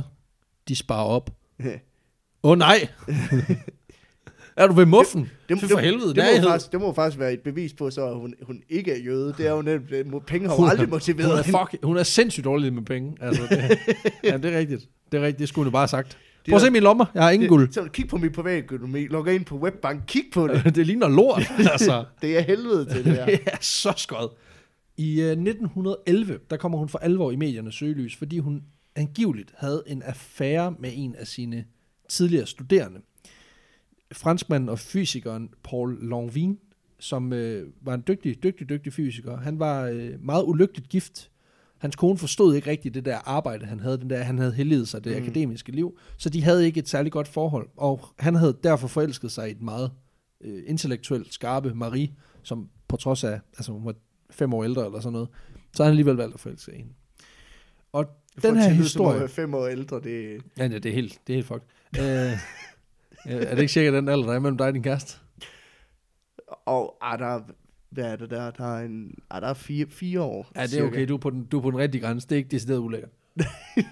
Hvad er det, man siger? Del i to og læg syv til, så passer det. Altså, Ja. du tager din egen alder, så deler du den, så dividerer du med to, og så lægger du syv år til, så passer det. Det er, den, det, er det minimumsalder, du må date. Ja, ja, lige præcis. Ja, det ved jeg ikke. Det, jeg er ret sikker på, at det hedder, øh, det hedder Peter Assenfeldt øh, skalaen. Nå, jeg kender den. Nej, den hedder bare deler i to. Der er ikke noget med plus noget som helst. det er bare gange 0 plus 15. Wow. Vi skal videre i teksten. Medierne, de får spundet den her historie til, at øh, Marie Curie, hun er en jødisk udlænding, som aktivt forsøger at ødelægge det gode franske, den gode franske kernefamilie. Hun okay. er en homewrecker og kvinde. Hvad fanden bilder hun sig ind? Øh, og da historien den bryder ud, der er hun faktisk på konference i Belgien. Men øh, da hun vender hjem, der bliver hun mødt af en vred folkemængde, som står foran hendes hus. Ej, Og hun er simpelthen nødt til at flygte med, med børn, med begge sine døtre under armene, og så øh, ind til naboen. det er noget af det, der er forsvundet, efter vi har fået shitstorms på Hvad Facebook. sker der med good old mob mentality? Det, det er, at vi, vi mangler folk med høtyve ude foran folks Ja, hjem der er nu, simpelthen når, ikke nok folk, der når- stikker ild til ting. når der er nogen, der er sure. Altså, så er der en lidt sådan en Occupy Wall Street-agtig ting, og det Ja, er som om, jo, de ikke jo, rigtig jo. mener det, vel? Det er jo altså, noget, det kan sgu noget dengang, hvor man bare, du ved, bare stak en eller anden random dude i øjet, fordi... de var jøde. Ja, præcis. Det kunne sgu noget. Eller du havde hørt, han var jøde. Ja, han var jo ikke jøde, altså. Han hed Lars. Der var ikke noget. Du synes, han var lidt træls. Altså, det er ligesom heksafbrændinger. Det kunne sgu også noget. Hvad siger du? Din kål større end min kål? Jeg kan lige op og snakke med præsten en gang. Mm. Det må være, fordi du har tryllet den. Jeg er ret sikker på, at du har tryllet dem. Hvorfor er dit vasketøj renere end mit? Det er, fordi jeg bruger Vanish, din idiot. Og der er en reklame til Vanish der. Som er en heksafbrændingsreklamen. Altså, de har, prøv at høre, I bruger den bare. de har Lotte Heise i forvejen. Altså, det, den er jo som skrevet til det lort. Altså, det kan jo ikke være sværere. Ja, altså, der er en heks med reklame i Det er det, forvejen. mener. Altså, det er jo bare om lige at sætte det i en rigtig setting. I, I bruger den bare, Vanish. det skal I bare gøre. Det bliver lige 80.000. I kan bare gå ind og støtte ind på tier.dk wow! Hashtag that plug. med, med royalties, når I, når I laver lortet. Ja, det skal I gøre. Jeg synes, det ville kunne noget. Betaler 50.000 per afsnit. Det ville være vildt. Det kan godt være, at vi skal kæle lidt mere, kæle lidt mere for Peter Assenfeldt, så kan det godt være, der kommer lidt ekstra, Ja, det lidt være. ekstra guld ind i DM'eren. Nu skal vi videre i teksten. Øhm, men midt i det her kaos, altså at hun bliver svinet til Mm. for at være en, en homebreaker, ikke? så kommer der skulle lige en curveball, der lige bliver kyldet ind i mixet, fordi i 1911, der bliver Marie Curie den første i verden til at vinde to Nobelpriser. Øh, og hun vinder dem faktisk i to forskellige felter. Øh, den her gang, der modtager hun prisen i kemi for sin opdagelse af de her to øh, grundstoffer, polonium og radium. Wow. Ja. Første gang, der blev jo arbejdet med det her med at bevise, at der, at der kom naturlig stråling fra de her øh, atomer, og at atomer mm. godt kunne udsende stråling, og det ikke nødvendigvis var den, deres forbindelse med andre atomer. Så det er ikke bare... Det første var for egentlig for at opdage radioaktiv stråling øh, og ja, beskrive og, det, ikke? Ja, og, beskrive det. Og, og det andet var så rent faktisk for at opdage konkret grundstof. Grundstoffer. Og, og, Og deres anvendelsesmuligheder. Hun får enormt meget... Øh, hun får voldsomt meget øh, anerkendelse og tager til Sverige for at holde takketaler og forelæse. Men bare en måned senere, der må hun sygemelde sig med en kombination af nyreproblemer og depression. Nå. Hendes arbejdsliv, hendes mands død, heksejagten på hende, den har taget hårdt på hende, og der går faktisk 14 måneder, før hun igen sætter benene i et laboratorium. Så det, det, det, det, det tager hårdt det, på hende. det, det, er relativt alvorligt. Ja, hun bruger også noget tid faktisk på ikke at være i Frankrig. Hun tager til England hos en, øh, en, en medforsker, en anden forsker, og tilbringer noget tid der og så videre. Men hun bruger simpelthen næsten et, altså lidt over et år, hvor hun er ude af loopet. Øhm, og her bliver jeg simpelthen nødt til lige at, at italesætte den franske presse. Og nu, nu, nu Mm. mm. stikker jeg en finger ned, hvor det gør ondt i min egen lille øh, andedam her. Men den her franske presse, de udviser simpelthen det værste dobbeltmoral i verden i deres dækning af Marie Curie. fordi Ja. i forbindelse med den der affære, der bliver moral og pressen. Hvad, hvad, Ja, hvad fanden, hvad snakker jeg om? Men i forbindelse med, at hun har en affære, muligvis, angiveligt, Mm. der bliver hun portrætteret som en udlægning, der vil ødelægge det franske værdier. Men da hun så vinder Nobelprisen, der bliver hun hyldet som en fransk fucking held. Altså, de kan fucking ikke bestemme sig. Og det er simpelthen så, det er så vammelt, at, at man bare, du ved, at man lige vælger efter for godt befindende. Det er jo det samme, vi gør med sportsfolk i Danmark, ikke? Mm. Mm. Altså, hvis Krondeli, han laver, øh, han laver tre kasser imod Italien, jamen så er han på forsiden med Kong Deli, eller et eller andet Ja, ja, ja. kronjuveler, eller et eller andet, hvad fanden det nu er. Og, og, og, og hvis, øh, du ved, hvis Kasper Schmeichel laver fire drop imod, øh, imod øh, Frankrig, øh, og, og vi taber 4-0, så kommer han også på forsiden, og så bliver han høvlet ned.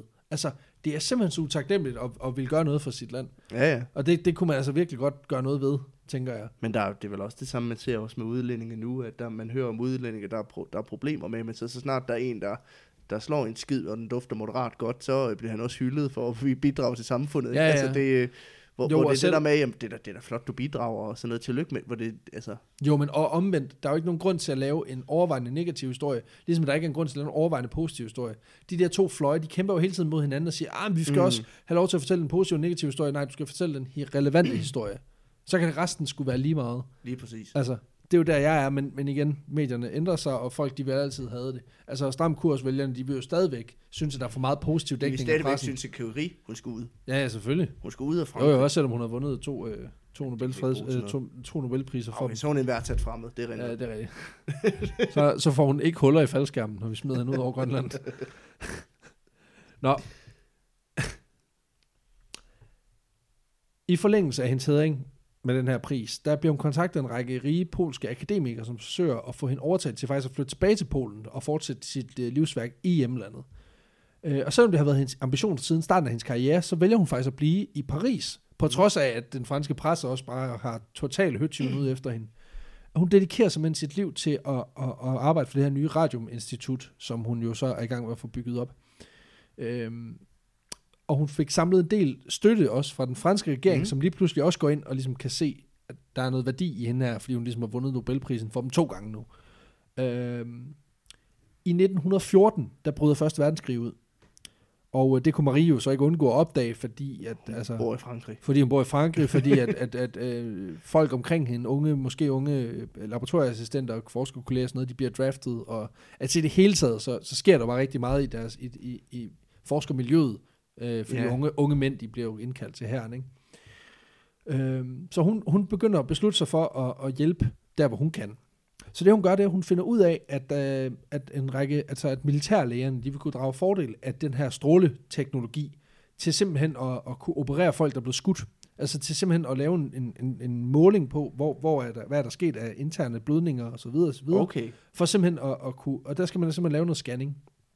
Så det hun gør, det er, hun sætter, sgu- hun sætter sig simpelthen lige ind i radiologi, anatomi og, øh, tager sig en lille intermistisk mekanikeruddannelse, hvorefter hun simpelthen går i gang med, i samarbejde med selvfølgelig med, Ja, ja, med folk, og, og bygge nogle mobile røntgenscanningsvogne, som hun kan sende ud til fronten. Fuck, hvor vildt. Ja. Hun bliver involveret i Røde Kors Radiologiservice og får opbygget et netværk af 220 radiologiske afdelinger, oh. fordelt på 20 biler og 200 enheder på felthospitaler rundt omkring i Frankrig. Og det er altså det første år af krigen, hun gør det her. Øh, I 1915, der udvikler hun ved hjælp af sin egen private beholdning af radium et middel, øh, som kan øh, via en nål kan sprøjtes ind i beskadiget væv, for at sterilisere det, så man bedre kan komme til at arbejde med det og, og, og redde soldater, der er blevet skudt vildt. eller ramt af en mine eller noget. Og det er altså hendes private beholdning af radium, det her. Altså det er det, hun bruger til at lave sin Hendes forskning. own stash. Hendes own stash, jamen, og det, er igen, radium er umanerligt dyrt på det her. Mm. Altså, det, det kan ikke fremskaffes. Hun er, jo den, hun er jo den, der har mest radium. Ja, fordi I hun, hele Europa. Eneste, hun er eneste, der ved, hvordan man fucking laver lortet. Lige præcis. I hvert fald en af de få. Ikke? Hun har Ja. udgivet masser af artikler osv., men, men, men lige præcis. Altså, der er stort set ikke nogen, der har det. Og hun vælger at bruge det, hun har på at hjælpe. Hendes egen datter Irene, hun bliver bestyrer for en af de her radiologiske enheder, og det formodes, at op imod en million soldater kommer igennem de her afdelinger i løbet af krigens år. Wow. Øh, Marie, Marie Curie deltager faktisk også selv øh, i frontarbejdet. Ikke, ikke helt ude i fronten, men i, i feltet. Øh, på de her felthospitaler osv. Udover indsatsen i felten, så øh, tilbyder hun faktisk, øh, det er jo sådan, at det franske øh, regering er ret presset, fordi de skal bruge en masse penge til at finansiere den her krig. Øh, så de, de, de spørger simpelthen efter, efter værdier, øh, og alt muligt, de kan sælge for at skabe øh, værdi. Og der tilbyder hun simpelthen, at de øh, simpelthen kan få hende de guldmedaljer, hun har fået i forbindelse med sine Nobelpriser, og smelte dem om og sælge dem. Ej, Nå. Jo, begge to, fordi de har ingen værdi for hende. Det skri- I hendes dagbog, der skriver, eller i hendes, enten i hendes selvbiografi eller i hendes dagbog, der skriver hun simpelthen, at de har ikke nogen værdi for mig. Altså, fordi de, altså hun, kan jo godt, hun forstår jo godt, intellektuelt har hun fået anerkendelse. Ja, ja, hun har ikke behov for den der manifestation i form af guld, men øh, det nægter de simpelthen at tage imod. Hun har sikkert også selv fundet ud af, hvordan man laver guld alligevel. Ja, ja, så det er egentlig meget. Lige meget, hun er jo altså, hun har en form for Nicolas Flamel. hun har fundet de vise sten. Hun er lige hun har 375 i hun, har, hun har gået på Hogwarts jo. Det har hun. øhm, men i stedet for at donere det her guld, fordi det vil de ikke have, så investerer hun en stor del af de penge, hun vandt, da hun fik den anden Nobelpris. Dem, øh, dem bruger hun simpelthen på at investere i franske øh, statsobligationer, for simpelthen at, at, at støtte, hvor hun nu kan. Hun har faktisk efterladt pengene i Sverige, da hun i glemsomhed, da hun skulle hjem igen, fordi hun måske battlede med den der depression. Mm. Så dem får hun simpelthen sendt ind og får simpelthen øh, og konverseret dem til de her war bonds, til, Okay. at, til at støtte den franske regering. Vildt. Og på trods af alt det arbejde her, der får hun ingen formel anerkendelse fra den franske stat for sit arbejde, da krigen den er slut. Det er klart, hun er jo kvinde. Hun er jo kvinde og udlænding. Og jøde. Og jøde. Det er jo Måske. det er the holy untrini- det er un- unholy trinity. øhm, efter krigen, der fortsætter hun med at udvikle det her radiuminstitut, blandt andet ved at samle penge ind, og hun rejser desuden til USA for at indsamle midler. Øh, der møder hun i 1921 den amerikanske præsident Warren Harding, som, mm. øh, som faktisk giver hende, donerer et gram radium til hende, som er blevet indsamlet i USA. så hun får lige fordoblet sin... Øh, De har været rundt på alle institutterne, som hvad, Hvad har jeg kan, I- kan I spytte lidt i bøssen med, med, er, med radium? Og vidderligt, sådan radium, et gram, det er vidderligt, altså ingenting. Men igen, det er nemt at finde, fordi, ah, hvor har jeg forlagt mit radium? Og det er det der, hvis jeg slukker lige lyset, der hvor det lyser grønt, det er nok der, det er. Ja, hvis jeg nu lige tænder for radioaktivitetsmåleren, så... Øh, klok, klok, klok. Det er noget med at bare sende, du ved, det er noget med at tage en kylling og smide den ind i rummet, og så når den, når den udvikler et tredje eller fjerde ben, så Ja, går man Så derhen. kig på, hvad for en retning benet det peger. Så. Det er nok ikke meget ved siden af. Øhm, hun møder den her præsident, og han donerer simpelthen det her, øh, det her gram radium til hende. Og prisen på radium er enormt høj. Øh, og det var også derfor, hun blandt andet søgte, konstant søgte midler og penge. Det var simpelthen fordi, at, at, at hun skulle også have råd til at indkøbe det her til at lave Ja, eksperimenter. Og så vidt jeg kunne læse mig frem til, det her det er så et tal for langt senere, men der fandtes der af radium i verden. I 1954, der fandtes der 2,3 kilo i alt. Og det er, altså, det er altså 50 år efter det her, eller ah, 40 år efter det her. Ja, Der er det, der det, der er kun 2.000 gange så meget. tilbage, og der Ja. blev forsket i hele verden på det her tidspunkt. Der er det jo eksploderet, ikke? Og det var virkelig svært at skaffe. Altså, jeg, de tal, jeg kunne finde, det var sådan noget med, at, at der var nogen, der havde fået lov til at bortskaffe øh, 2 gram radium for øh, 80.000 dollars. Det var det, det kostede, ikke? Altså, det, var, det er voldsomt dyrt. Det er noget, af en- altså, Ja, ja. det er noget af en addiction at have. Ja, det Kilo, er det. Kiloprisen er ret høj. Den er voldsomt høj. Øhm, Men det her møde med den, frans, med den amerikanske præsident, det gav også lidt problemer for den franske regering, fordi Madame Curie havde jo aldrig modtaget nogen officielle franske ordner, som hun kunne have på, da hun mødte præsidenten, og der blev taget en masse dejlige nej, Det er billeder. selvfølgelig noget lort. Og det ser ikke ret godt ud. Så, øh, Men de skal jo huske på, at hun er jo kvinde og jo, jo, jøde. men og... det glemmer de. Uh, så det betyder faktisk, at, hun, at de tilbyder hende at skænke hende uh, Legion of Honor-medaljen, som er den allerhøjeste Okay. æresmedalje, man kan opnå i Frankrig. Men uh, den afslår hun skulle lige. Fordi, fuck ja, yeah, Badass. sideways. Badass. Hun er så ligeglad. Altså igen, hvad fanden skal hun bruge det til? Altså, jeg tror ikke, hun er bitter. Det virker ikke, som om hun er typen, der, der bærer nag. Det er også meget sjovt, hun kommer til dem og så siger, jamen vil I ikke have mine medaljer, så I kan bruge dem til noget nyttigt? Og så siger de nej, men vil du ikke have en? Så bliver det. Nej. I siger nej til mig, siger jeg jer. Ja. Hvad ved? Altså, skulle I jo. I vil ikke have mit lort, jeg, så gider jeg ikke have jeres lort. Altså, Lige præcis. Okay. I de efterfølgende år, der bliver hun mere og mere involveret i forskellige internationale organisationer, som arbejder for at fremme forskning inden for radioaktivitet og videnskab. Mm. Hun bliver bestyrelsesmedlem i det franske akademi for medicin i 1922. Hun bliver medlem af League of Nations, som er en forløber for FN, øh, og i deres internationale komité for intellektuelt samarbejde, hvor hun blandt andet sidder sammen med Albert Einstein og skaber bedre rammer for internationalt videnskabeligt samarbejde. I øh, 1932, der åbner hun, er hun med til at åbne et radiuminstitut i Warszawa, hvor hendes søster, Bronja, hun mm. øh, bliver direktør. Nepotisme. uh, hun skriver et par bøger og rejser verden rundt for at forelæse og samle penge ind til endnu flere af de her projekter. Alt sammen nogle ting, som kræver en masse tid, som gør, at hun ikke har tid til at være i laboratoriet. Så hun får faktisk ikke rigtig lavet noget ny forskning. Uh, men det er jo alt sammen noget, der er med til at udbrede kendskaben mm. til den her, den her viden, som hun jo egentlig har lagt kimen til. I 1934, der dør hun af, af plastisk anemia, som er en sygdom, hvor kroppen ikke længere kan producere blodlemmer nok til at holde kroppen i gang. ja. Det er svært at vide, hvad der præcis var skyld i den her sygdom, men den udbredte og meget anerkendte teori, det er, at hendes lange arbejdsliv, hvor hun ligesom har arbejdet totalt ubeskyttet med svært radioaktivt materiale, har været med til at tage livet af, simpelthen. Øhm, Det er ikke utænkeligt. ja, I slutningen af hendes liv, der slog hun også med en del andre skavanker, som formodentlig skyldes, at hun har været eksponeret for radioaktivitet det meste af hendes liv. Blandt andet så var hun næsten blind på det her tidspunkt. Det mener man også var sket, fordi hun var blevet udsat for stråling. Øh, men på trods af alle de her ting, Mm. så anerkendte hun til sin død aldrig sundhedsrisikoen ved at arbejde med radioaktiv stråling. Altså hun var, det var ligesom, det er ligesom en, en ryger, du ved, der tager det sidste hiv af en smøg, inden han dør, og bare siger, det var ikke dem, der gjorde det. Og så, pum. altså, hun er overbevist om, at det var ikke, det, det var ikke noget der. Altså fordi, hun har, igen, hun har jo set, hvordan radium har reddet soldater Ja, ja. og hvordan de her sprøjter, hun fik udviklet, som i øvrigt, man fandt ud af, den gas, der var inde i de her sprøjter, det var radon, som var et, endnu et, et tredje grundstof. Ja. Men det fandt hun så ikke selv ud af, men stadigvæk.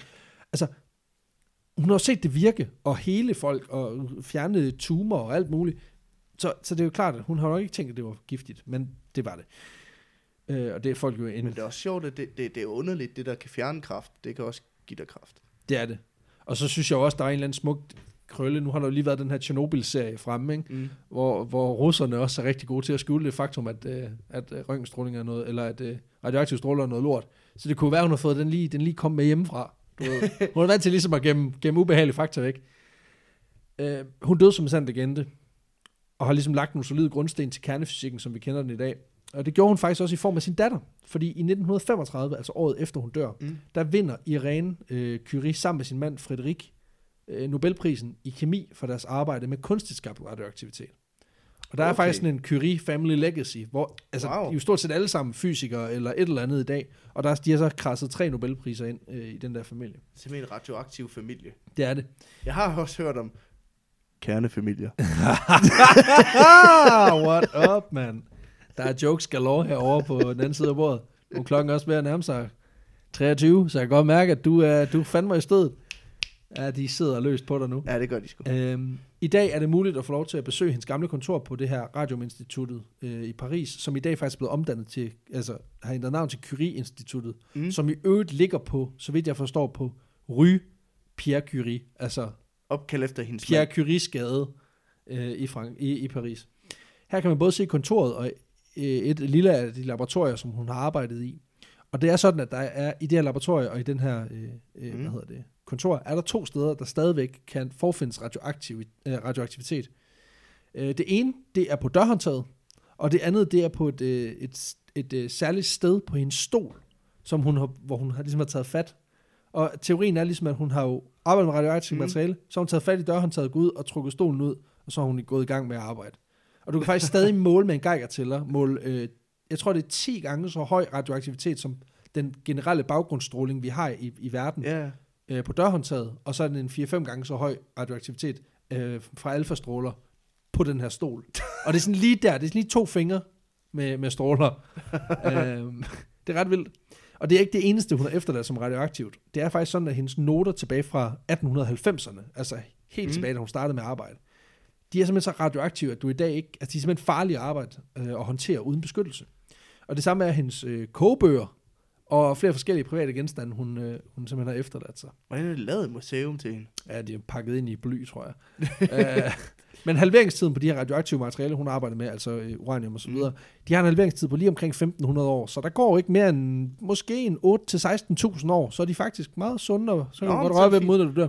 Nå, nå, det er fint nok. Så inden for de næste 16.000 år, så kan du få lov til at holde, øh, så kan du få Madame Curies egen opskrift på hummersuppe, uden at få brændt fingerspidserne af.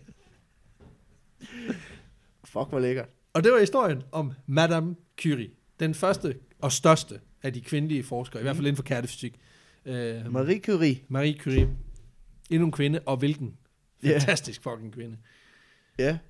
Med hjertet på rette sted også. Det, Det øh, må man sige. Det må altså, man jeg, sige. jeg har jo godt hørt alt det her med, at jamen, Marie Curie døde af radioaktivitet, øh, eller radioaktiv stråling formentlig, ikke? Ja, ja, ja. Øh, det er også, øh, hvad kan man sige, det mest velkendte fakt omkring hende. Det er, nærmest, det er hun næsten mere kendt for, end hun er kendt for nogle af sine andre. ja, det er hun. Øh, øh, Ja, det er jo fordi, der er en grundlæggende ironi i, at hun blev, hun blev ligesom offer for, Ja. ja. for, sit eget, for sin egen kærlighed, ikke?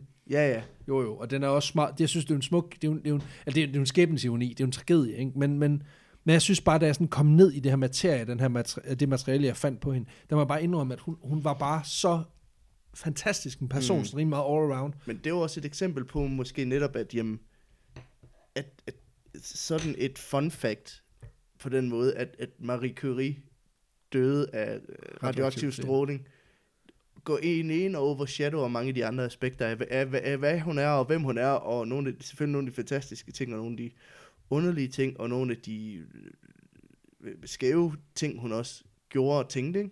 Ja. Øhm, 100 procent. så på den måde, så er det også, øh, så er det også interessant en gang imellem at, at folde en historie, som folk måske egentlig godt kender i forvejen, for ofte så er der jo, det har vi også erfaret, også med, da vi lavede om Tordenskjold for eksempel, Ja. øh, eller Tycho Brahe, at jamen, velkendte skikkelser har faktisk også tit en, en ret interessant historie, som man måske ikke nødvendigvis kender. Lige præcis. Og det synes jeg jo også var tilfældet her. Øh, og det er, jo, det er jo det, vi kigger efter nu, når vi kigger efter de mere kendte personer. Mm. Og det er også derfor, vi prøver netop lige at sprede dem lidt. Øh, men øh, vi skal lige have hende indekseret. Hun skal, Ja. på, hun skal på, på listen. Ja, Hvad, hvad tænker du selv lige umiddelbart? jeg var sådan måske midt, midt, midt øh, 70'er. Ja, det kunne jeg også godt være med på. 77, måske? Ja, jeg tænkte ligger højt. 75, så tænkte jeg... Så, ville det være- 76? Ja, så, Så mødes vi på midten. så lad os indgå et kompromis, så må det være på den måde. Så hedder det 76 til Madame Curie. Marie Curie på vanvidsbarometeret. Ja, Det synes jeg skulle er, det synes jeg skulle okay. det er ganske okay. Og øh, det var så en, øh, en lidt længere, men også, må jeg sige, en, en, en måske også en Meget lidt, grundig. og en meget øh. grundig og, en, og en også måske lidt for hurtig episode. Jeg kunne mærke, at jeg kom måske også til at snakke lidt for hurtigt, men øh, det kan godt være, at det bare var mig. Jeg synes, det, det var ganske, ganske udmærket. Okay, det er jeg glad for. Men altså, hvis, øh, hvis der er nogen, der synes, det gik lidt for stærkt, så, øh, så kan man på sin podcast-app faktisk skrue ned til 90%, hvis det Ja. er. Og så går det faktisk lidt, lige langsommere. Og så tror jeg også, jeg lyder bare lige lidt mere på valium, end jeg er. så lyder det som om, jeg kun har spist, altså jeg kun har spist én øh, dosis ketamin. Jeg har faktisk spist to. Så, så alt er godt. Men øh, ja, tak for historien. Det var Selv meget tak. interessant. Selv tak. Øh, og tak fordi I lytter med derude. Øh, vi håber selvfølgelig, I synes om dagens afsnit.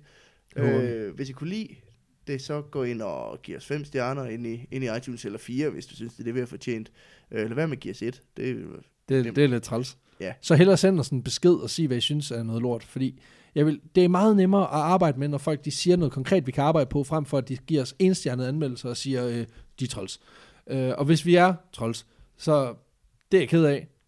Det er desværre sådan, vi er. Det kommer vi nok ikke til at lave ret meget om på. Vi har brugt, hvad, Ja. 26-27 år, 27-28 prøv år at blive træls. på at på at blive træls. så hvis vi skal bruge samme tid på at blive mindre træls, jamen så, så Ja. tror jeg, Der skal bruge mange afsnit på det. det er det. Det bliver, lang, det bliver et lang, lang og hård arbejde. Nej, men, øh, men som altid, øh, ris og ros, tager, tager vi selvfølgelig imod med, med, med kysshånd. Øh, man gør kan altid skrive til os på Facebook, hvis man har et eller andet, man, man gerne vil, vil snakke med os omkring øh, 100%. på det område. Øh, gå ind og like os ind på Facebook. Vi hedder Vanvittig Verdenshistorie Podcast. I er elsket. I er, I er meget elsket, og øh, tusind tak for alle de søde beskeder, og øh, ja, vi- Er vi ikke færdige med Jo. selvgårderiet? jo, nej, øh, det, det er sgu egentlig mere en, en, en tak, men jeg ved ikke, hvem- skal vi ellers takke Gud og mor Og satan. og Gud og satan. mor og min kæreste, øh, og øh, så vil jeg også gerne takke, Min, øh, min nabo, min, min nabo Gitte, ja, fordi hun, fordi hun ikke, engang... ikke, larmer. Ja, præcis. og hun engang faktisk sådan, da hun smed skrald ud, da hun lige, der, der tabte hun lige en halv Yankee bar på vej ned ad trappen. Det var god. Den smagte, den var meget lækker. egentlig. Så, så, Hashtag SU Live.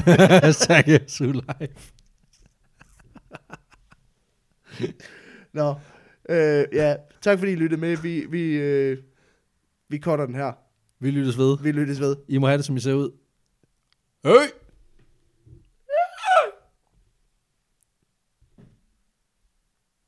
Ses.